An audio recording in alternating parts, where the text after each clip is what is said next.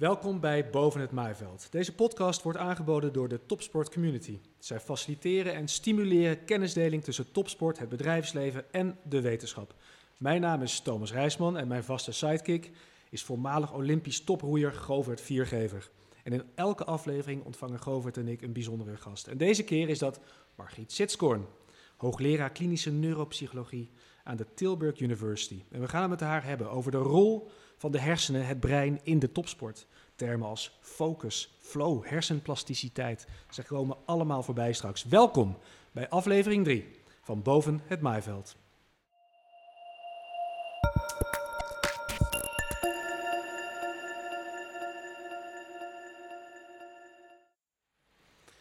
Welkom Margriet, Hartje Amsterdam, bij deze podcast Boven het Maaiveld. Uh, het groot, ja, welkom. Govert, uiteraard. Dankjewel, dankjewel Thomas. Eh, dankjewel. Uh, Margriet, het, het, grotere publiek kent jou misschien als uh, de auteur van verschillende boeken over het brein. Uh, het maakbare brein, Ik kwadraat, meest recent, Hersenhek, je laatste kindje. Ehm, ik wilde met jou beginnen, voordat we die hele sidesteps of dieper ingaan op de topsport en de hersenen. Ik las ergens een prachtige quote dat de hersenen, die ontroeren jou. Het brein ontroert jou. Ja, hoe, hoe, zit dat precies? Nou, als je bedenkt wat die hersenen allemaal doet en dat die hersenen eigenlijk alles verzorgen. Ze maken wie jij bent, wie jij bent, wie ik ben. En wie wij zijn maakt de maatschappij maakt de wereld. Dus uh, best een belangrijk orgaan lijkt me. En wat gebeurt er als je ontroerd bent door de hersenen? Nou, dan is het vooral dat ik weer iets leer begrijpen of net niet. Dat ik net iets helemaal niet begrijp van die hersenen, wat ze toch doen. Ja. En ik vind dat heel bijzonder. Weet je nog wanneer je de, voor de eerste keer gefascineerd was door die hersenen? Ja, ik denk uh, de eerste fascinatie lag altijd bij gedrag. Uh, dus ik wilde begrijpen waarom mensen op een bepaalde manier denken, doen, handelen. Uh, maar daarna, toen ik eenmaal al studeerde, toen eh, begon ik te ontdekken dat om dat goed te begrijpen, dat ik meer inzicht in de hersenen moest hebben. Dus toen kwam die fascinatie voor de hersenen. Hmm, mooie woorden. Ontroerd raken door hersenen, Govert. Nou ja, ik kan me wel voorstellen dat van zo'n ingewikkeld en complex systeem waar, uh, waar, waar ja, dan zeg ik we nog zo weinig vanaf weten, kan je inderdaad uh, onder de indruk raken. Dat kan ja. ik me voorstellen, ja. Nou ben jij een voormalig topsportatleet, onlangs gestopt met je traject richting de Olympische Spelen van 2020, uh, roeien. Um, maar je hebt nog wel een topsportbrein. Nou, een maandje geleden ja. gestopt, dus ik mag Heeft hij nog een topsportbrein na een maand? wel een topsportbrein. Dat ja, zit er ja, ja, dat gaat In een maandje is er geen pruning uh, opgetreden. Nou wel, zeker. Pruning, zeker wat is dat? Ja, dus ik heb eventjes de, ja, ja, ja, de, de, kennis. De terminologie. pruning is dan... Oh, dat moet ik natuurlijk eventjes aan Margriet vragen. Wat is pruning, Margriet? Pruning is het kappen van verbindingen eigenlijk. En als je dingen niet meer doet, maar soms ook onder invloed van dingen die je wel doet, uh, veranderen dingen in de hersenen. En uh, er is zeker pruning opgetreden. En er zijn Ai. zeker veranderingen opgetreden. Maar... Ik voel dat ook wel, hoor. Ja, ja. ja ik voel dat ook wel een beetje. Ja. Voelt het maar goed? er is veel nog wel. Nou, pruning. Ik weet, het klinkt niet heel positief, maar nee. uh, ik, ben, uh, ik ben wel lekker aan het prunen eigenlijk uh, de laatste tijd. Goed zo, Govert. Dus we gaan het hebben over de maakbaarheid uh, van jezelf en daarbij ook het trainen van je hersenen. Jij bent dus roeier geweest en je roeit natuurlijk nog steeds af en toe. Wanneer kom jij voor het eerst erachter, misschien moet ik iets niet alleen met mijn biceps doen en met mijn bovenbeenspieren en mijn buikspieren en, en mijn borstspieren, maar ook met daar wat er in mijn schedel zit, de hersenen? Ja, nou, eigenlijk echt al best wel snel. Um, eigenlijk uh, had ik heel snel door dat ik niet zo groot ging worden als de rest van de jongens uit mijn boot. Mm -hmm. En kreeg ik eigenlijk al heel snel door dat er nog iets is wat je kan trainen naast je spieren en dat je brein ook te trainen valt. En dat was wel een. Uh... En wat is snel? Zeg maar op moment nul van het begin van je carrière tot nou ja, kijk, vorige maand. Op welk moment op die oh, ik tijdlijn? denk dat ik echt al uh, 15, 16 jaar oud was of zo toen ik het doorkreeg. Onder invloed van uh, Bruce Lee en martial arts films en, en uit die hoek. En dus het idee dat die allemaal in meditatie waanzinnige uh, on, bovenmenselijke krachten konden, konden opwekken, ja. uh, opdrukken op één vinger of uh, weet je, dat soort, dat soort dingen. Dat fascineerde me toen al ja. en dat, dat, dat gaf me een soort van de hoop van er is meer wat ik kan trainen en ik denk dat het brein daar ja. onderdeel van is. Is hij daarin een uitzondering? Misschien dat hij al zo vroeg in een topsportcarrière al dacht van... hé, hey, dat brein, daar kan ik iets meer mee. Dat gaat mij helpen beter worden als atleet. Is hij daarmee een uitzondering? Ik vind dat best wel uitzonderlijk, dat je het meteen relateert aan de hersenen. Want uh, heel veel mensen denken toch nog steeds van... nou ja, die hersenen, dat is iets, daar word je mee geboren. En misschien als je een klein kind bent, verandert daar nog wel wat in... maar daarna moet je het er wel mee doen. En uh, uh, als je al zo vroeg, want 15, 16 is uh, best wel vroeg, toch door hebt van nee, die hersenen die kan ik dus zelf trainen, met andere woorden vormen. Ja, vind ik vroeg. Ja. En goed. Ja, heel goed. Ja, aan de hand van, van voorbeelden, denk ik, uit, uit de populaire cultuur. ja, Bruce Lee, Arnold Schwarzenegger. Arnold Schwarzenegger zei ook, it's the mind that feels first, not the body. ja. Dus die had ook al het idee, terwijl dat zo'n klerenkast van een vent is, ja. dat het toch uiteindelijk hier gebeurt. En kun je een paar, zonder daar nu meteen heel erg uitgebreid op in te gaan, maar een paar voorbeelden noemen van wat jij toen al hebt gedaan om je hersenen uh, zo te vormen, te, te beïnvloeden dat je beter ging sporten, beter ging presteren? Nou ja, ik wist toen echt nog, zeg maar, had ik de, klepel, de klok horen luiden, maar ik heb geen idee waar de klepel hangt. En uh, toen ging ik me toch vooral richten op van wat die wat je dan ziet in films en zo. En toen had ik toch het idee, oké, okay, uh, um, gewoon jezelf onderwerpen aan, aan brute trainingsregimes of, uh, of, of, of, juist in de regen naar buiten gaan. Of om maar te wennen aan een bepaalde discomfort of, of, of pijn. En ja. pas op het moment dat eigenlijk uh, echt op een hoog, echt het hoge niveau een beetje begon te, uh, in te zien dat ik, dat ik op bepaalde punten faalde. Ja. En ook hier toen ben ik me echt, uh, gaan, gaan, uh, echt gaan toeleggen en met experts uh, wel gaan werken. Nou, goed zo. Ja. Nou, dan komen we geleidelijk aan in het gesprek wel. Af en toe gaan we daarop intappen natuurlijk, op die verhalen van jou vroeger. Laat ik gewoon eens een term op tafel gooien waar je veel over geschreven hebt, veel over gesproken hebt. Ook met topsporters af en toe, hè, want je geeft wel eens een lezing of je probeert mensen te helpen in de, in de wereld van de topsport. Ik gooi hem op tafel en jij mag uitleggen wat het dan is. En dan kunnen we daar een beetje vrij uh, mee aan de slag. En dat is het woord neuroplasticiteit. En dat is een prachtig woord. En um, ja, wat is dat? Neuroplasticiteit is eigenlijk het uh, aanpassingsvermogen van de hersenen. Uh, die hersenen die hebben een hele belangrijke taak. Die moeten vrijwel alles doen. Die moeten ervoor uh, zorgen dat je kan denken, kan bewegen, dat je plannen kan maken, dat je je verdriet kan uiten of net niet. Nou, noem het op. Die hersenen die veroorzaken dat. En dat doen ze eigenlijk in een wereld die voortdurend verandert. En omdat die wereld verandert, is het ook niet zo dat je altijd maar hetzelfde kan blijven doen. Dus die hersenen, hun grootste kracht is eigenlijk wel het vermogen tot aanpassen. Aanpassen op al die veranderingen om je heen. En dat aanpassingsvermogen noemen we neuroplasticiteit. Dat moet je wel heel letterlijk nemen. Uh, want neuroplasticiteit zorgt ervoor dat die hersenen direct van structuur en functie veranderen. Mm -hmm. um, ik weet niet of, of, je dat weet, maar hersenen bestaan uit neurale netwerken. En die neurale netwerken bestaan uit cellen. En die cellen hebben uitlopers, dat noemen we axonen en dendrieten. En die maken verbinding met, met elkaar en daardoor ontstaan er hele netwerken. En waar ze met elkaar verbinden, dat noemen we de synaps. En in die synaps vindt informatieoverdracht plaats van de ene cel naar de andere cel. En die neurale netwerken, die veranderen. Er komen cellen bij, dat noemen we neurogenese. Er komen verbindingen bij, dat noemen we synaptogenese. Er komen bloedvaten bij, angiogenese. Er komt een vettige stof bij om al die uitlopers van die cellen, dat noemen we myelinisatie. Mm -hmm. En, daar hadden we het net ook al over, er wordt ook gekapt. Want je kan niet alleen maar bij krijgen, hè, het harde schedel kan niet ja. alleen maar groeien. Dan komen die hersenen je neus uit, vrij onsmakelijk. um, dus het moet ook gekapt worden. Ja. En dat allemaal samen noemen we neuroplasticiteit. En is dat een relatief nieuwe term of is dat iets wat al vrij lang bekend is? Nou, eigenlijk is het al heel lang bekend. Eigenlijk is het al, uh, ik, ik heb studies gelezen uit 1897, 95, ik weet niet precies van wanneer. Maar er zijn veel dierstudies uh, verricht. Ja. Wat we nu zien is omdat we met apparatuur kunnen werken. We hebben tegenwoordig imaging. Imaging, nou ga je in een grote tunnel eigenlijk en dan kunnen we in de hersenen kijken. En dan kunnen we kijken hoe die structuren eruit zien. Je zou dat kunnen vergelijken met foto's eigenlijk van de hersenen. Maar we kunnen ook zien hoe de hersenen functioneren. We Ja. kunnen dus activatie in de hersenen zien, een soort films zou je kunnen zeggen. En daardoor kunnen we nu ook dat onderzoek bij mensen doen. Want voorheen was het zo, eh, bijvoorbeeld je liet dieren iets doen En dan uh, uh, maakte je ze dood en dan ging je in de hersenen kijken. En dat was op vrij grove schaal ook nog wel natuurlijk.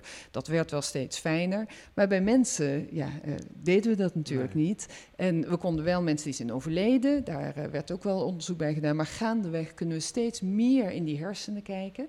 En komen we dus achter steeds meer. Maar dat hele begrip van neuroplasticiteit is eigenlijk al oud.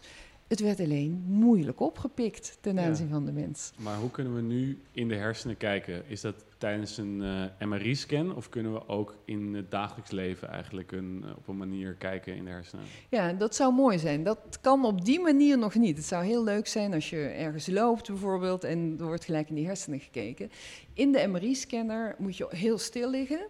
Uh, dat heeft te maken met de apparatuur. En je moet, om een, meer die film, die activatie in beeld te brengen, moet je eigenlijk taken uitvoeren. Mm -hmm. En dat doe je dan door op een knopje te duwen. Of ja, hè, zijn nog vrij simpele, ja, vrij gedaan, simpele ja. dingen. Gaandeweg zijn ook wel wat andere apparatuur. Hè. We kunnen ook naar de elektriciteit in de hersenen kijken met, met de EEG. Nou, dat is al wat simpeler. Die MRI-scanner, die worden wel lichter en draagbaarder, maar ja. daar zijn we nog niet. Nee, ik, ja. zie, ik zie voor me dat we dat in de toekomst gewoon uh, als een soort pet op kunnen zetten. Ja. ja. Nou, wat bijvoorbeeld al wel kan, en dan gaan we misschien heel snel vooruit, maar uh, er zijn bijvoorbeeld nu koptelefoons, daar zitten elektroden in die uh, bepaalde activatie in de hersenen kunnen meten. Dat Heb zie ik, het over... ik wel bij collega topsporters die Inderdaad. dat gebruiken. Ja. ja, en dat komt er al meer in de buurt. Dan kijk je nog niet echt in die hersenen, vind Nee. ik. Maar je kan wel al iets zeggen over activatie op bepaalde plekken. En dan kun je zien of mensen wel in de goede eh, stand zijn eigenlijk om goed te presteren. Of dat mensen eh, eh, snel kunnen komen naar een ontspannen stand Mhm. bijvoorbeeld. Dus we gaan daar naartoe. Daar heb ik zo meteen ook nog waanzinnig veel vragen over. Ja, nou ja, laat één stapje dus de hersenen en verbeter me als ik het verkeerd samenvat. Want jij schrijft daar prachtige boeken over, waarbij je inderdaad complexe materie naar eigenlijk vrij toegankelijke taal eh, vertaald eh, opschrijft. Eh, dus de hersenen zijn kneedbaar. Ja, het zijn enorm. En dat, heeft dus, dat is die neuroplasticiteit. En waarom is neuroplasticiteit dan een interessant begrip in de context van topsport? Waarom is het voor topsporters interessant om zich dit te beseffen?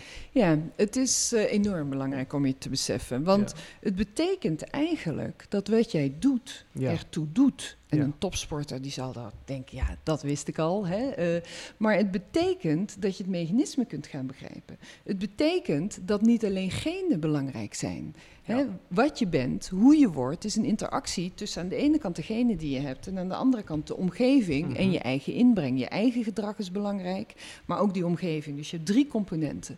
Nou, aan die genen die je hebt, kan je niet veel meer doen. Nee. Die heb je. Maar die genen en ook zelfs expressie van genen, eh, die komen tot uiting door omgeving en je eigen gedrag. Het is dus heel belangrijk om je aan bepaalde dingen wel bloot te stellen en aan andere dingen niet. Want heel vaak gaat het om waar je wel aan bloot moet stellen, maar het is ook belangrijk om je aan bepaalde dingen niet bloot te stellen. Want hoe eh, wordt die, eh, dat mechanisme van neuroplasticiteit, hoe wordt dat gebruikt door de hersenen? Dat klinkt een beetje raar, want het zijn natuurlijk de hersenen. Maar door dat wat je aan blootstelt, dat wat je doet, Ja. dat ontwikkelt structuren en dat ontwikkelt de functionaliteit in je hersenen. Dus trainen doet ertoe. Ja. En ehm, dat is enorm belangrijk om te beseffen, ook omdat onderzoek laat zien dat op het moment dat je dat beseft, dat je ook anders gaat trainen. Het Dat- besef aan zich is al, is al heel... is heel stap. belangrijk. Dat, dat je beseft, ik heb invloed op de vorming van mijn hersenen en daarom op de vorming van mijn zijn. Want het gaat verder dan alleen maar een bepaald eh, iets bereiken in de sport of een bepaalde vaardigheid. Dat is Mm. natuurlijk enorm belangrijk. Ja. Maar er is meer belangrijk, hè, wat jij net ook al zei, van natuurlijk, je, je moet bepaalde vaardigheden hebben, maar dan ben je er nog niet. Want je staat tegenover een tegenstander of je ligt ernaast in het water en van tevoren in de kleedkamer begint het al en eigenlijk Mhm. begint het al ver daarvoor. Ja. Daar speelt zoveel meer mee Ja. en daar hebben die hersenen mee te maken. Ja, precies. Dus even, een, pra- eh, ik vertaal het even naar de praktijk. Dus een, het is heel fijn als de voetballer of eh, de bal goed met links en met rechts kan trappen. Dat is een vaardigheid. Maar het psychologische spel, omgaan met druk, eh, pieken, dat soort zaken, die kun je trainen door je hersenen te beïnvloeden. Ja, ja bijvoorbeeld als je wordt uitgefloten in het Nederlands elftal, zoals Virgil van Dijk in de Ja. recente eh, wedstrijd. Ja, Nou ja, je kan zeggen, ja, maakt me allemaal niks uit. Ja. Maar, en het maakt je misschien ook niks uit, maar dat heb je geleerd. ja. Want van nature is het zo in de hersenen dat als jou iets lelijks wordt aangedaan, dat er bepaalde systemen eh, geprikkeld worden die jou je onprettig doen voelen. ja, Nou, maar dat kan je trainen. En dat zie je dus terugkomen op verschillende manieren. Dus eh, Virgil van Dijk, die reageerde inderdaad daar vrij goed op. Eh, een wat onder, onderkoeld persoon. Dan heb jij het vermoeden. Ik weet niet of die onderkoeld is. Nee, Dat, dat is eh, misschien... ja. precies. Ik het is een ont, woord. ja, ontzettende goede voetballer die ook mentaal heel erg sterk Precies, is. die zich ja. eh, niet laat, negatief laat beïnvloeden door externe factoren die in ieder geval hersenen niet. normaal gesproken Ja. negatief gestrest op kunnen. Ja. En boos- hoe zou hij dat getraind kunnen hebben? Ja, dat weet ik niet. Ik ken hem Maar helemaal nee, niet, inderdaad. dat, eh, Nou, wat belangrijk is, is dat je weet dat je dingen kan verwachten. Dat is dan enorm, enorme voorsprong. Mhm. hè? Als jij kan bedenken, dit kan gebeuren, dat kan gebeuren. En dan dat je ook in die situaties traint. Nou is dat met uitfluiten best moeilijk. Want als jouw coach jou gaat zitten uitfluiten omdat je het moet oefenen... dan denk je ook, ja, dat komt niet hetzelfde binnen als dat, een, hè, dat mensen op een tribune eh, dat doen. Gaandeweg in je carrière maak je dat natuurlijk vaker en vaker en vaker mee. Dus ook dat is al een manier van trainen. Maar wat ook een manier van trainen is, is om daarna daar eens over te denken. Waarom voel ik me nou rot of net Mhm. niet? Niet alleen ten aanzien van die situatie, maar ook ten aanzien van andere situaties. Wat ik mensen heel vaak leer is, je bent niet je hersenen. Het Nee. is niet zo dat alles wat in jou opkomt, dat dat waar is. Dus er kunnen van allerlei gedachten opkomen, gevoelens opkomen. En dan kan jij die veranderen. Of die kan je terzijde leggen. Of net heel erg iets mee doen. Op het moment dat je dat beseft, geeft je dat natuurlijk enorm veel kracht. Ja. Maar wat zien we vaak gebeuren? Dat mensen bepaalde emoties hebben, in die emotie meegaan en dat was het. Maar wat is nou de reden dat mensen daar zo graag in meegaan? Dat, Nou, er is niet een reden eh, in de zin van dat ze dat graag doen. nee, het is, maar het, Hm? Het gebeurt is een automatisme. Het, het gebeurt je. Het ja. is een automatisme. Wat je moet begrijpen is dat het meeste van je gedrag een automatisme is. Dat is ook heel erg goed, want als je de hele dag over alles moest nadenken, Het heeft dan een werd functie. je, ja, tuurlijk, dan Ja. werd je knotsknettergek als ik, nou moet ik ademhalen, Ja. en nu moet ik weer uitademen, en nou weer in, en ik moet Ja. een woord spreken, en daardoor moet ik dat zou wel drie keer al vergeten zijn. ja, daarom. Dus hè, dan, dat zou heel erg gek zijn. Dus die automatismen, die helpen ons te overleven. Alleen, soms zijn er automatismen, en daar gaat het laatste boek helemaal over, die eigenlijk in de situatie waar je nu in zit, of de maatschappij waar je nu in zit, of het doel wat je wil bereiken, dat die daar niet meer bij passen. En helemaal van streek raken omdat iemand iets lelijks tegen je zegt, of omdat iets niet gelukt is, hoort niet, zeker niet bij het doel van een topsporter natuurlijk. Maar ook niet bij het doel van iemand die een bedrijf leidt, of iemand die een gezin runt, of iemand die, noem maar op. Ja. En die automatismes veranderen, bewust veranderen, dan, dan treedt er weer neuroplasticiteit op. Ja, het is eigenlijk door de neuroplasticiteit veranderen de automatismen. Dus het, neuroplasticiteit is het mechanisme, dat voed je dat mechanisme met informatie. En die combinatie zorgt ervoor dat je verandert. Ja, en die informatie dat is, komt uit je omgeving. Kan ook uit jezelf komen. Hè? Je kan eh, eh, informatie uit je omgeving, bijvoorbeeld als we naar eh, sport, je coach, kan je van alles zeggen waardoor jij gaat veranderen of je moet oefeningen doen. Maar het kan ook door jezelf zijn. Dat je denkt, wat heel erg helpt alles, heel simpel, helpt voor iedereen. Als je je rot voelt, dat je gewoon eens afvraagt, waarom voel ik me rot? En misschien heeft het niet eens iets te maken met de situatie nu, maar heeft het te maken dat je een telefoongesprek had wat een beetje onaangenaam verliep. Maar wat doen mensen? Die gaan door met die emotie, nemen die emotie mee in volgende dingen die ze doen. Ja, en dan, dan gaat het alle kanten op. Ja. En als je inderdaad als topsporter moet presteren, of als vader de boel onder controle wil houden, of als manager of als chirurg, we hebben, eh, alles onder controle houden, dan is dat niet handig. Even een klein zijstapje. Sommige schrijvers bijvoorbeeld vinden het heel fijn om zich door te laten, om een emotie helemaal door te voelen, uit te rekken, te omarmen en schrijven dan hun mooiste poëzie of boeken. Is dat, herken je dat? Is dat iets, hoe denk je daarover? Nou, dat, dan is het doel Ja. emotie beschrijven Ja. of doorleving in je boeken brengen. En dan heeft het een heel goed Ja. doel. Dan moet je dat vooral blijven doen. Maar op het moment, en soms kan dat ook in de sport zijn. Sommige mensen worden beter als ze kwaad zijn. ja. Of worden beter als ze beledigd zijn. Of worden beter als ze iemand tegen zich over zich hebben waar ze een hekel aan hebben, bij wijze van spreken. Dat kan allemaal helpen, Ja, maar het is goed om je af te vragen wat voor jou werkt. precies. Dan, Mhm. dan kan je het gebruiken. Je moet minimaal de vraag eerst stellen om te weten welk pad voor jou het beste werkt. Ja. Heel Ja. goed. Govert, we hebben het dus over vaardigheden die je kunnen helpen tot topsportprestaties. Nou heb jij goed leren roeien ergens in je hele traject. Jij weet op die maat, op dat ritme, in balans met die man en, eh, voor en achter me. Op een gegeven moment had je dat onder de knie. Zij- Ben je wel eens in situaties terecht geweest, in wedstrijdsituaties, dat je merkt dat externe factoren jou afleiden, jouw vaardigheden negatief beïnvloeden? Heb je een concreet voorbeeld misschien? Nou, of herinner je ehm, zoiets dergelijks? Ja, ik herinner het me nog wel, nog wel heel goed dat ik in, ehm, in de finale lag van het eh, Europese kampioenschap. Dat is in 2017 was dat. En na een haal of 10 uit de start, waarbij je echt eh 45 slagen per minuut, eh 25 km per uur, dus dat hou je op de fiets hou je dat, hou je dat vrij moeilijk bij, ga je door het water en op één moment blijft de riem die blijft hangen in het water en die wordt gezogen in die kolk. En dan ligt dus de hele boot, sla je bijna om. Eh, dat gebeurde na, na, na, 15, na 15 halen eh, na de start. Maar je kan niet stoppen, want je, eh, het hele veld roeit door. Ja.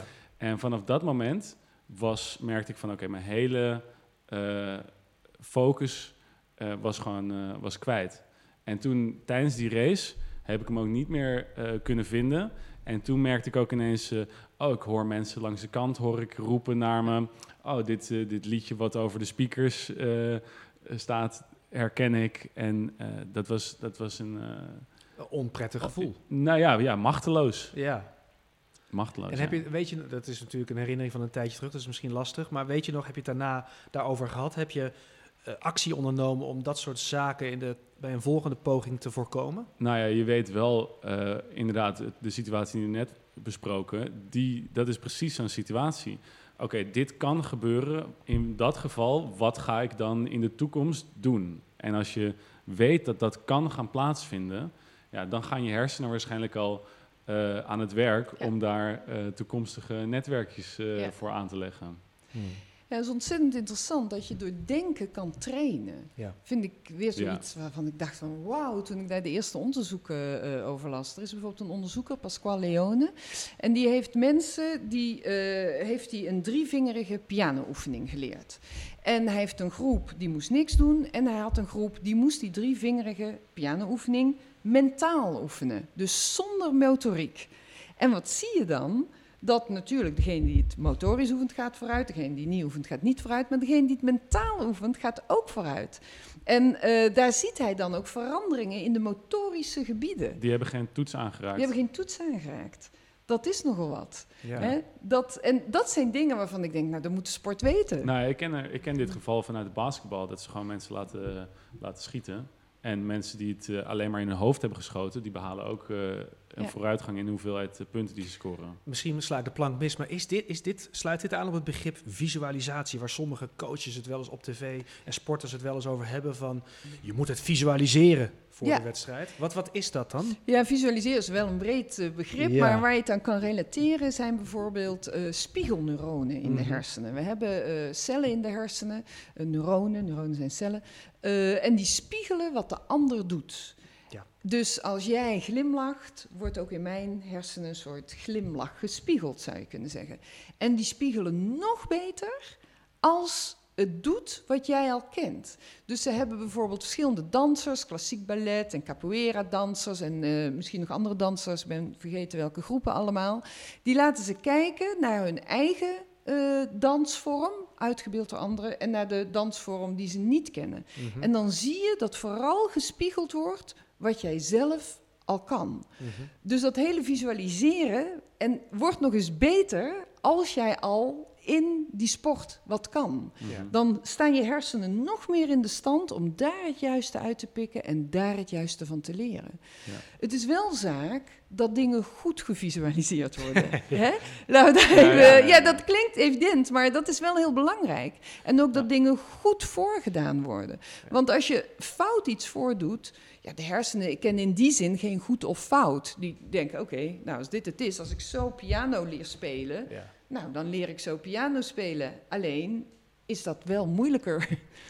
De, ja, dus, maar even, dus als een, even een beetje eh, voor, voor de mensen, voor het bredere publiek. Dus als Arjen Robben zegt voor de WK-finale, ik ben maar aan het visualiseren. Wat zou die dan in potentie gedaan kunnen hebben? Wat, wat, wat moet ik me dan voorstellen? Nou ja, ik denk dat als je visualiseert, bijvoorbeeld dat je een penalty moet nemen, Ja, dat je van tevoren bedenkt hoe je dat gaat doen. ja. En dat doe je niet alleen maar omdat je denkt, nou, ik ga hem eh, rechts boven de hoek schieten. Nee, je kent de keeper als het goed is. En Ja. ook de reservekeeper. En je weet hoe die duiken en bewegen. En je weet hoe die reageren. En je weet hoe je zelf aan het manipuleren bent met je lichaam. En dat neem je allemaal mee. Het is dus niet alleen maar denken, nou, ik zie mezelf hem in de rechterbovenhoek schieten. Dat is gebaseerd op kennis. En dat is iets anders wat enorm interessant is. Want we hebben het nu vooral ook over kennis. Mm. Maar ehm, als we kijken naar theorieën van Damasio, die heeft het met name over gebieden in de hersenen, zoals de ventromediale prefrontale hersenschors.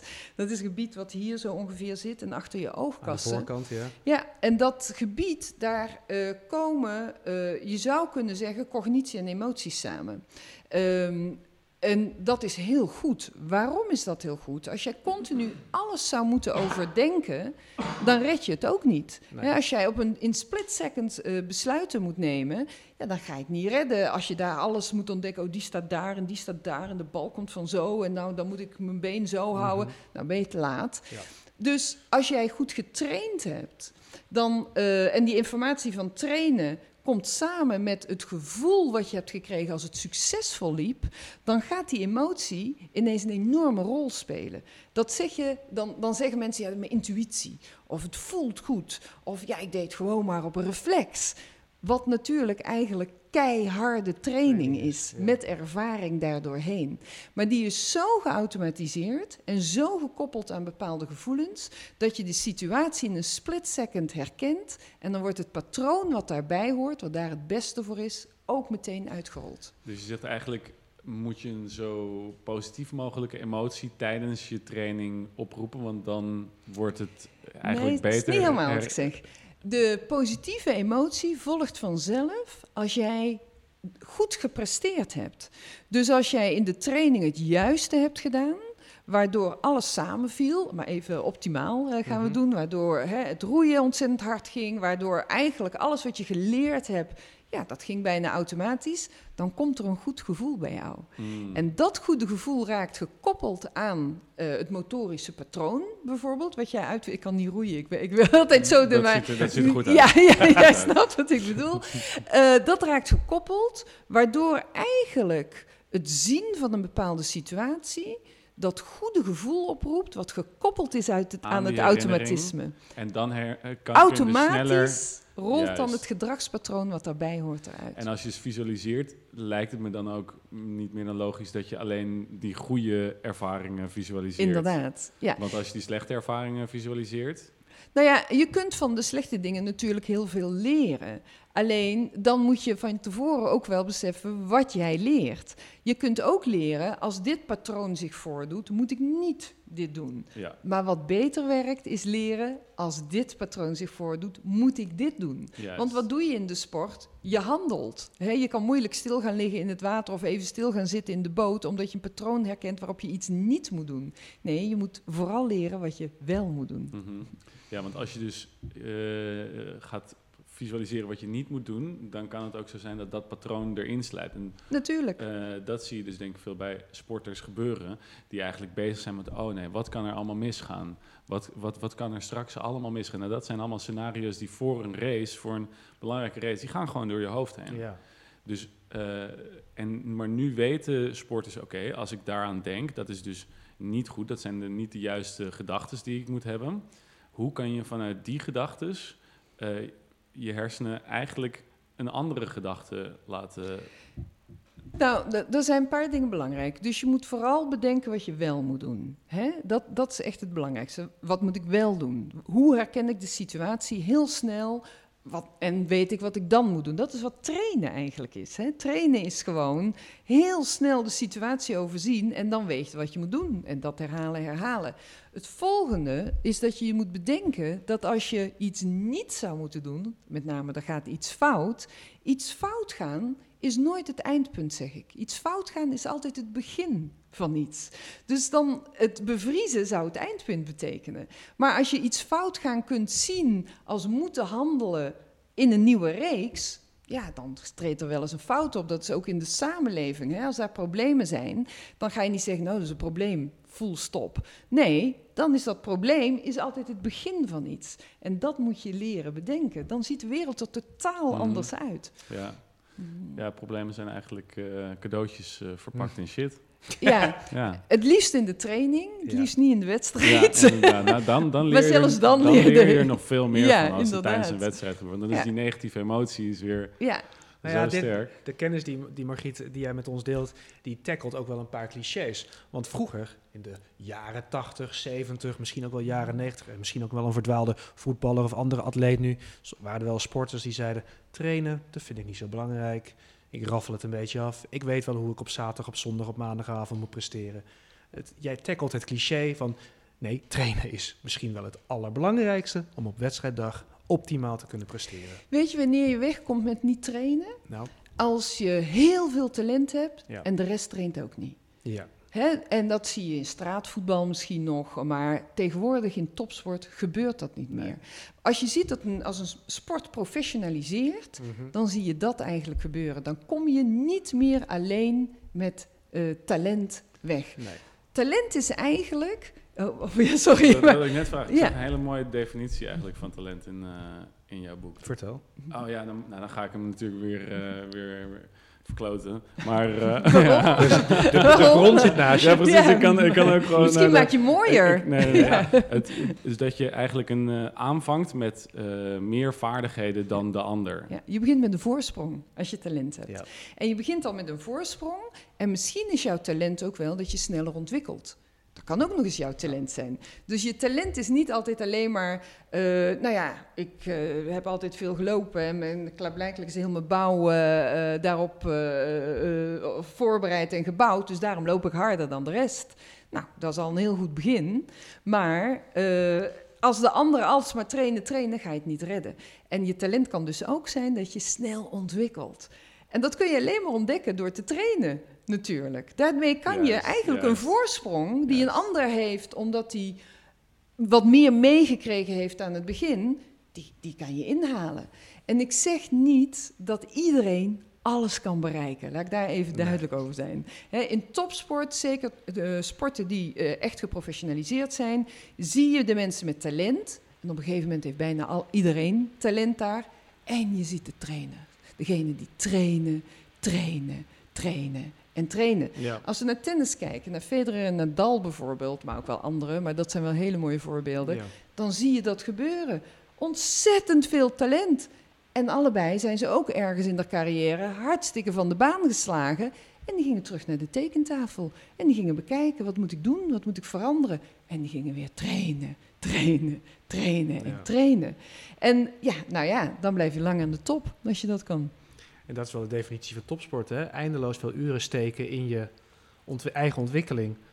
En het is natuurlijk een romantisch idee. De oude topsporter die heerlijk op zijn Nee. talent gewoon zijn geld eh, Ja. en zijn pleziertje kan binnentrekken op Nou de ja, wedstrijd. Ik blijf me nog steeds verbazen over hoeveel training er eigenlijk nodig is. Er is eigenlijk altijd meer training nodig dan je dacht Ja. dat er nodig was. En op het allerhoogste niveau, ja. Iedereen heeft dezelfde hoeveelheid talent. Bijna iedereen Oh is... ja, het is intimiderend ook wel. Kijk, enerzijds is het een geruststellende gedachte. Zoals je, er is een bepaalde maakbaarheid, er is een bepaalde beïnvloeding mogelijk van eh, je capaciteiten, via de hersenen bijvoorbeeld. Anderzijds, precies Govert, als je topsporter wil zijn anno 2019 in grote sporten, waar iedereen er knalhard voor gaat. Wat je zegt, ik word er al moe van, van het idee van al die trainingsuren. Ja, ja, ja, ja, nou, daar heb jij nu geen last meer van. Ik heb er nu geen last meer van, nee. Nee, nu kan ik wat anders gaan doen. Ja. Iets anders trainen, misschien wel. Terug naar neuroplasticiteit en eh, naar al die aanverwante theorieën die eraan vasthangen over de hersenen en het brein. Ehm, is dat een beetje al verankerd in de wereld van de topsport? Of zijn er nog blinde vlekken in de wereld van de topsport waar men dat eigenlijk helemaal nog niet omarmt als een belangrijke succesfactor? Hoe, hoe is de status van het brein als beïnvloedbaar iets in de wereld van de topsport? Nou, je ziet dat dat steeds meer komt, maar nog lang niet overal en zeker niet in de beste mate is doorgedrongen. je ziet dat mensen wel begrijpen natuurlijk dat trainen er toe doet. Mhm. En dan zeg ik altijd al, op het moment dat je dat vindt, en dat vindt iedere topsporter en dat vindt iedere trainer, dan snap je eigenlijk al veel van neuroplasticiteit. Want dat trainen wat je toe doet, hoe maakt dat jou beter? Nou, dat maakt je beter omdat je spieren beter worden. Dat is natuurlijk ook allemaal belangrijk. Maar hoe maakt het jou nog meer beter? Wanneer doe je nou het juiste op het juiste moment? Door te trainen, doordat je hersenen veranderd zijn. Dus dat is eigenlijk het meest basale niveau van neuroplasticiteit, zou je kunnen zeggen. Maar, en daar hadden we het in het begin al over, je kunt natuurlijk van alles trainen. Dus niet alleen maar de vaardigheden die per se heel erg aan de sport verbonden zijn. Uh, hè, dus, dus dat je op het juiste moment uh, je been op de juiste manier houdt en daardoor de, de, voetbal op een bepaalde manier raakt. Nee, daar komt dan ook bij hoe ga je met stress om? Hoe ga je leren van feedback? Hè, hoe, hoe kan je dat verbeteren? Uh, hoe haal je, verhoog je je verantwoordelijkheid ten aanzien van je eigen ontwikkeling? Mm -hmm. Daar horen dingen bij als op tijd naar bed gaan, geen alcohol drinken soms nee zeggen tegen dat feestje, of misschien wel bijna altijd. Dat zijn nog eens andere vaardigheden die heel belangrijk zijn. Maar uh, omgaan met stress, dat is, uh, neem ik aan, een ander gebied in je hersenen dan wat jij net, de vaardigheden die jij net beschrijft. Nou, wat je ziet, uh, eigenlijk in, de, in de moderne neurowetenschappen spreken we niet zo heel hard meer over gebieden, maar meer over neurale netwerken. He, die gebieden zijn met elkaar verbonden. En uh, het gaat ook heel vaak net om de verbindingen in plaats van de specifieke plaats en zo. Um, als je naar stress kijkt, dan zijn er inderdaad uh, motorische vaardigheden spelen daar een mindere rol in. En die spelen wel een rol om je racket goed vast te houden of de dartpijl goed te gooien.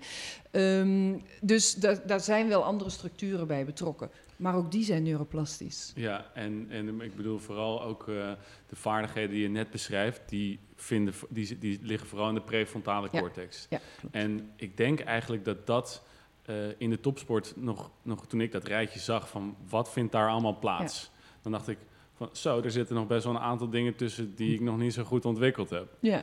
Uh, en Zoals? het leuk, nou ja, ja, kijk, we kunnen nu uh, ja, mijn, heel mijn, mijn, ja. zwakke punten allemaal gaan. Uh, maar je noemde er net al een, een paar op van, van feedback kan ik prima leren. Ja. maar plannen bijvoorbeeld, ja, daar heb ik nog wel eens moeite mee. En dat is hetzelfde, nou ja, ik noem het nog maar even gebied, maar hetzelfde, een van de vaardigheden die door dezelfde um, cortex worden, wordt bestuurd. Klopt.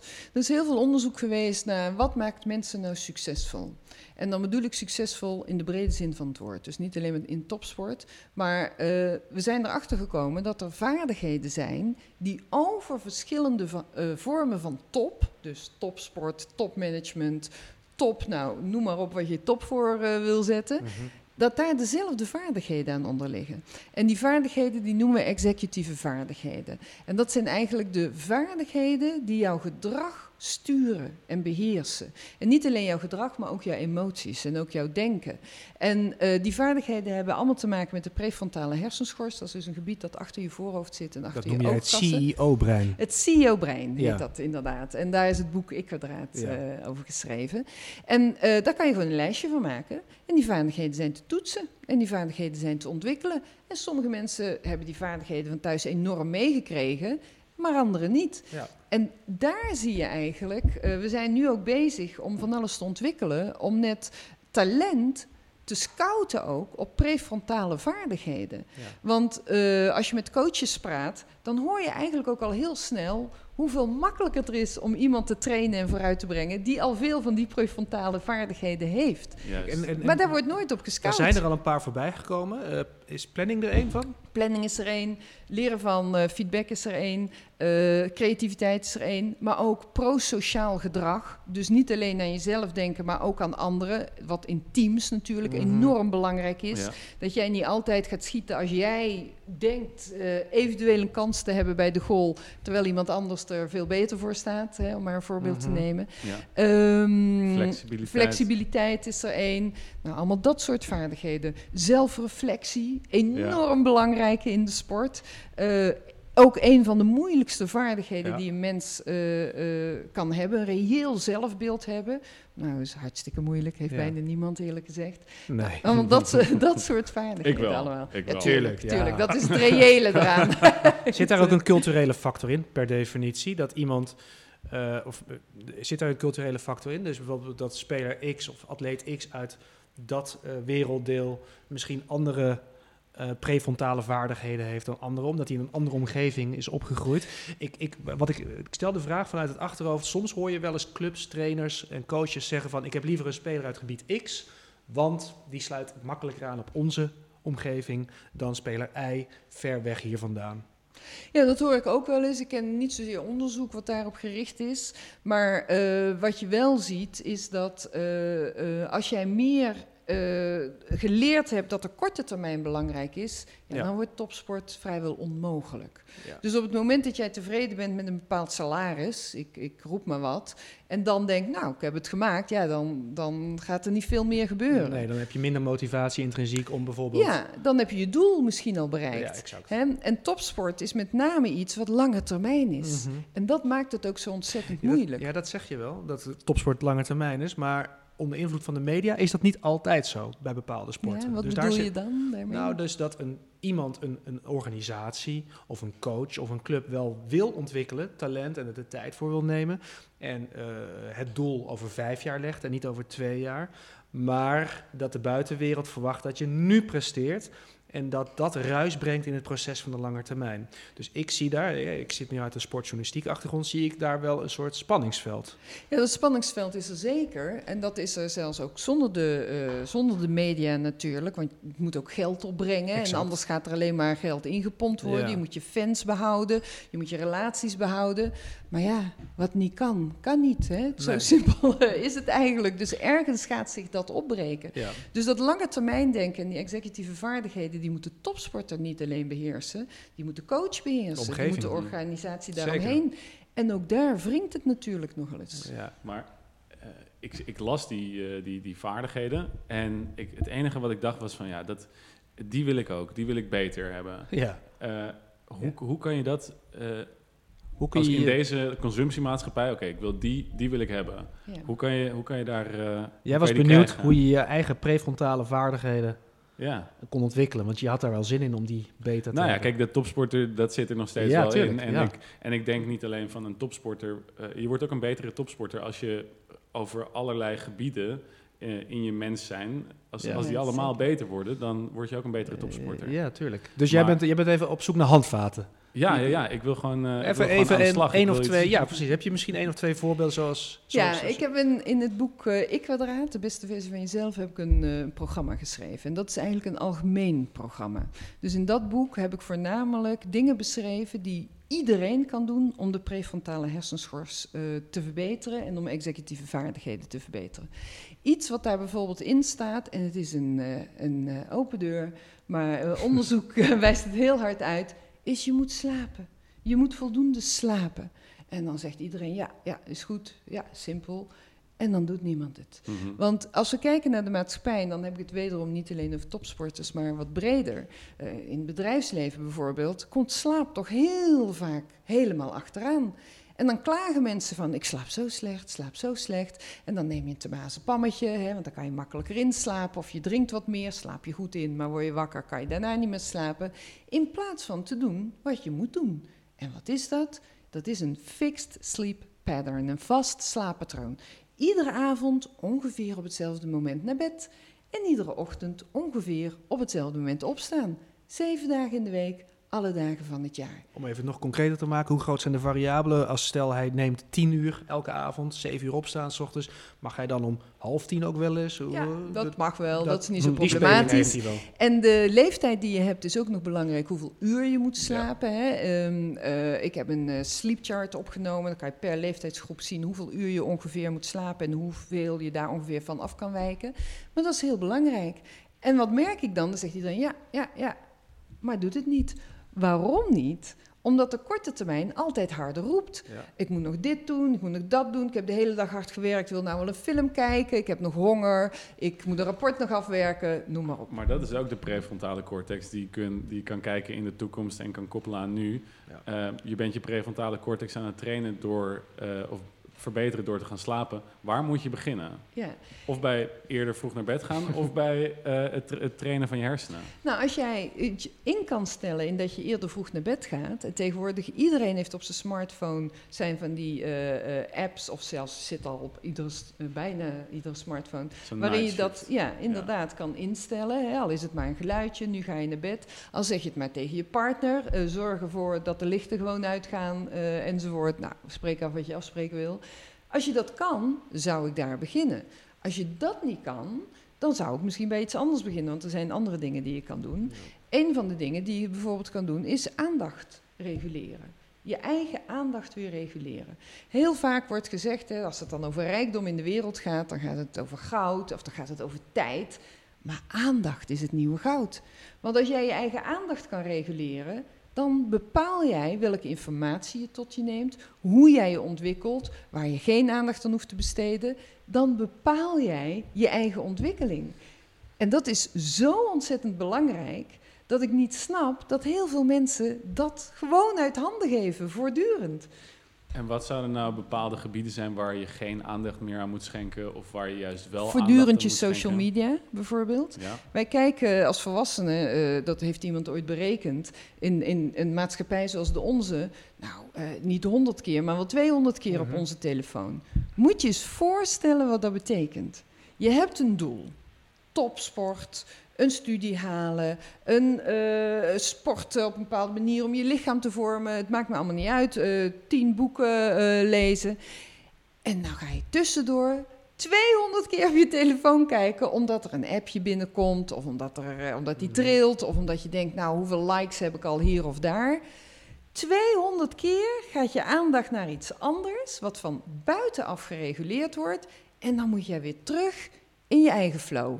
Nou, dat is heel moeilijk. Als we het dan hebben over neuroplasticiteit, wat gebeurt er dan als je 200 keer per dag zo'n eh, eh, zo'n associatie Nou, het een, collega van mij heeft het mooi eh, samengevat, Nes, die zegt: multitaskers are suckers for irrelevancy. Dus vrij vertaald, Ja.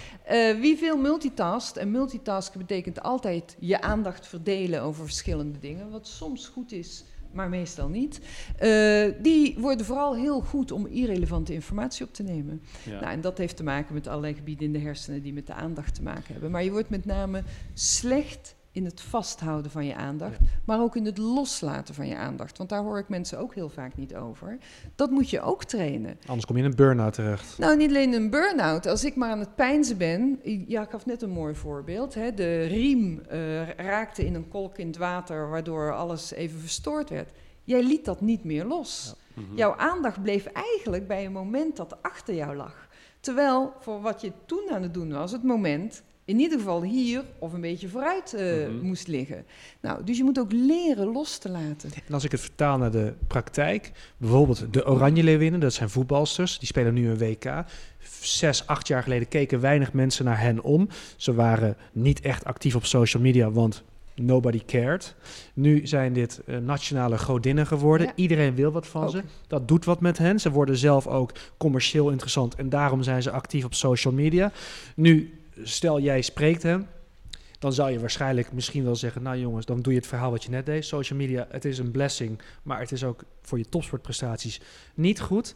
Even praktisch, sorry dat ik dat elke keer een, een concreet iets wil. Dan zullen zij best begrijpen: ik moet minder op social media. Maar wat is dan minder?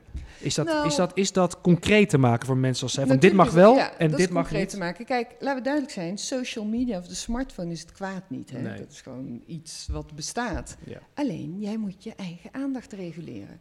En wat moet een coach doen? En dat doet Sarina ook. Sarina Eh, Wiegman. Ja, inderdaad, die doet dat ook. Die voorziet, oké, ik heb nou sterspelers. Die vliegen uit naar grote clubs. Hun levens gaan veranderen. Exact. Omdat hun levens gaan veranderen, moeten hun vaardigheden veranderen. Niet zozeer hoe ze die bal trappen, dat gaat toch wel door die training. Maar hoe ga ik daarmee om? Hoe ga ik met mijn steerstatus om? Ben ik nog wel dezelfde? Uh, mijn aandacht, hoe ga ik die verdelen? Want ik moet naar veel meer dingen. Moet ik nu meer mensen om me heen hebben? En wat voor mensen moeten dat dan zijn? Wat er moet gebeuren, en dat gebeurt lang niet altijd in de sport, is dit is niet de eerste keer dat dat met iemand gebeurt nee. natuurlijk. Je kan dat voorzien, je kan dat voorspellen. En dan moet een goed team begeleiding, een begeleidingsteam, een coach, die moet eigenlijk alles al in stelling hebben voor als het gebeurt. Voordat iemand het zelf moet gaan uitzoeken, want dat is bijna niet te doen. Zeker niet op die leeftijd met die ervaring. Ja, maar in de topsport um, zie ik dat nauwelijks gebeuren. Inderdaad, ja. En terwijl ik wel, ik weet van mezelf, ik ben vrij uh, erg gericht op mezelf verbeteren op al die vlakken. En ik, ik vind dat ook ik, bijna leuk om dat te doen. Ja. Maar er zijn een heleboel mensen en die, die willen dat niet. Of die hebben zoiets van, ja, waarom zou ik dat doen? Of ja. uh, zien de noodzaak daarvoor niet van in. Zou je niet iets eerder iets zien in, in voorbeelden of mentoren of iemand die dat, uh, iemand die, die dat binnen, binnen een team laat zien, dit is het goede voorbeeld. Want ja, dat zou enorm werken. Dat zou enorm werken. Ja, echt. Uh, je ziet ook, daarom vind ik ook zo belangrijk, um, dat topsporters, die zijn ook enorme rolmodellen om daar verder op uh, voor te beduren. En ik kom zo terug op wat jij net zei. Dus het werkt veel verder dan alleen in het team. Als ik zie hoe iemand als uh, Memphis Depay bijvoorbeeld ongelooflijk veel jongens en meisjes aanspreekt. En als ik ook zie hoe iemand als Lieke ongelooflijk veel meisjes en jongens uh, aanspreekt, dan zie je al de kracht van het rolmodel. En dat werkt natuurlijk niet alleen voor de ster naar de fans, maar dat werkt ook voor de ster met zijn eigen ster. Dus je zou binnen die teams, vinden dat een heel goed idee van je, eigenlijk mensen hebben die het moeten voorleven. Uh, en ik heb zo het idee, als ik bijvoorbeeld zo'n Virgil van Dijk uh, ja. op het veld zie, dat die dat ook doet. Dat, dat vind ik echt zo'n krachtig voorbeeld in regulatie van niet alleen zijn voetbalcapaciteiten, maar ook van zijn gedrag, van zijn emoties enzovoort. Ja, ja hij is eigenlijk zijn eigen voorbeeld. Ja, maar ook voor de rest van het team. Ja, ja precies. en in dat, in dat opzicht de perfecte ja. aanvoerder. En jij bedoelt misschien nog, ook daarnaast, hè, dat het misschien zelfs iemand kan zijn die op dat moment niet uh, in het team zit of nog een topsporter is, precies. maar die alles doorlopen heeft. Mm -hmm, ja. Want het is ook zoveel makkelijker om iets aan te nemen. Ja, dat joh. komt ook door de werking hoeft, van de hersenen. Hoeft, anders moet je het zelf uitvinden, het wiel zelf uitvinden. Ja, goed idee. Prachtig. Prefrontale vaardigheden waar je op kunt scouten, die neem ik als take mee. Uh, aandacht is het nieuwe goud. Iedere sporter die dit luistert, of wannabe topsporter, of gewoon iemand die top in iets wil worden, aandacht is het nieuwe goud. We gaan de laatste uh, kleine tien minuten van deze podcast in, Margriet. Uh, ik wil nog even één woord, gewoon één begrip, willekeur, niet willekeur, uh, even op tafel gooien, omdat onze vorige gast, Pieter van der Hogeband, daar helemaal idolaat van is. En zeker de manier waarop jij daarover kan vertellen. En het is al, je hebt het al laten vallen, één of twee keer, het woord flow. Ja. je begint al te lachen. Ja. Waarom begin je te lachen? Nou, ik begin te lachen omdat flow ja, is ongelooflijk belangrijk. Ja, dus uh, ik heb daar wat dingen gedaan voor de topsport community. Ja, flow. Ja, ja, precies. En daar heb je natuurlijk Pieter uh, ja. getroffen en daarover gehad. Um, flow is jou niet onbekend, heb ik nee. geoverd. Ja. Uh, wat, wat, wat is flow? Flow is eigenlijk uh, de ideale stand voor de hersenen. Flow, dan neem je informatie heel goed op en dan handel je daar heel goed op. En dat doe je vrijwel automatisch met opperste concentratie, maar ontspannen. En dat is een hele fijne combinatie. Ik ben ook benieuwd naar jouw ervaringen met flow. Nou voor mij was flow altijd een soort van magische staat waar je in terecht kwam of niet. Ja. En als je erin zat, dan wist je dat je erin zat. En als je eruit zat, dan wist je dat je er je niet in zat. Ja. En die, dat, dat was ongrijpbaar. Uh, totdat ik dus op een gegeven moment leerde van... hé, hey, wacht even, er zijn technieken uh, en, en, en train, dat is trainbaar... om jezelf sneller in die flow... Ja. Uh, de kans groter te laten zijn dat je erin terechtkomt. tot het punt dat ik eigenlijk bij bijna geen enkele wedstrijd meer uh, had dat ik er um, dat ik er dat ik eruit kwam. Oh, ja.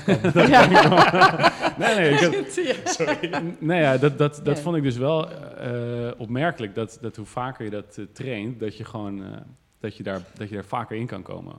Maar nu merk ik dat de wetenschap is, is, is dat, dat magische er vanaf aan het halen. En die is ons inzicht aan het geven in het brein, wat, we nu, eh, wat er gebeurt op het moment dat een, dat een persoon in flow is.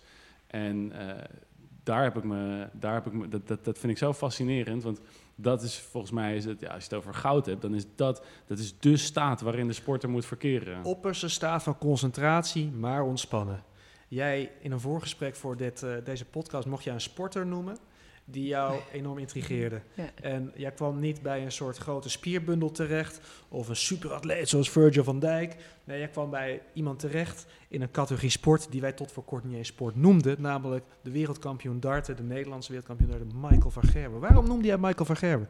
Ongelooflijk fan ben ik van Michael van Gerwen. Ongelooflijk fan. Echt Wauw. niet zomaar. Ik heb één In waar ik overtreffende idolaat fan. van ben en dat is. Michael van Gerwen. Ja. En dat komt, dat is zo'n topsporter. Ehm, als je ziet hoe hij zijn concentratie reguleert, niet Mm. alleen zijn concentratie, ook zijn houding natuurlijk enzovoort, maar daar gaat het mij dan even niet over. Dat is niet normaal. Als je weet in zo'n dartzaal wat daar eh, eh, geroepen wordt en wat er aan herrie is, en dan moet jij een pijl gooien op zo'n vlak. En niet altijd hetzelfde vlak, dat moet ook nog variëren, die kleine vlakken. En dat moet ook nog in de juiste volgorde, want anders kom je niet op een juiste manier uit. Die concentratie van hem is voor mij magisch. Is echt magisch. En eh, dus ik ben echt enorme fan van hem. Magisch. Dat klinkt bijna als ongrijpbaar, alsof hij het zelf niet weet. Nou, hij weet het wel. Hij traint Ja, natuurlijk ja. heel erg hard. En, eh, en ehm, het magische zit er voor mij in dat een mens dit kan bereiken. Ja.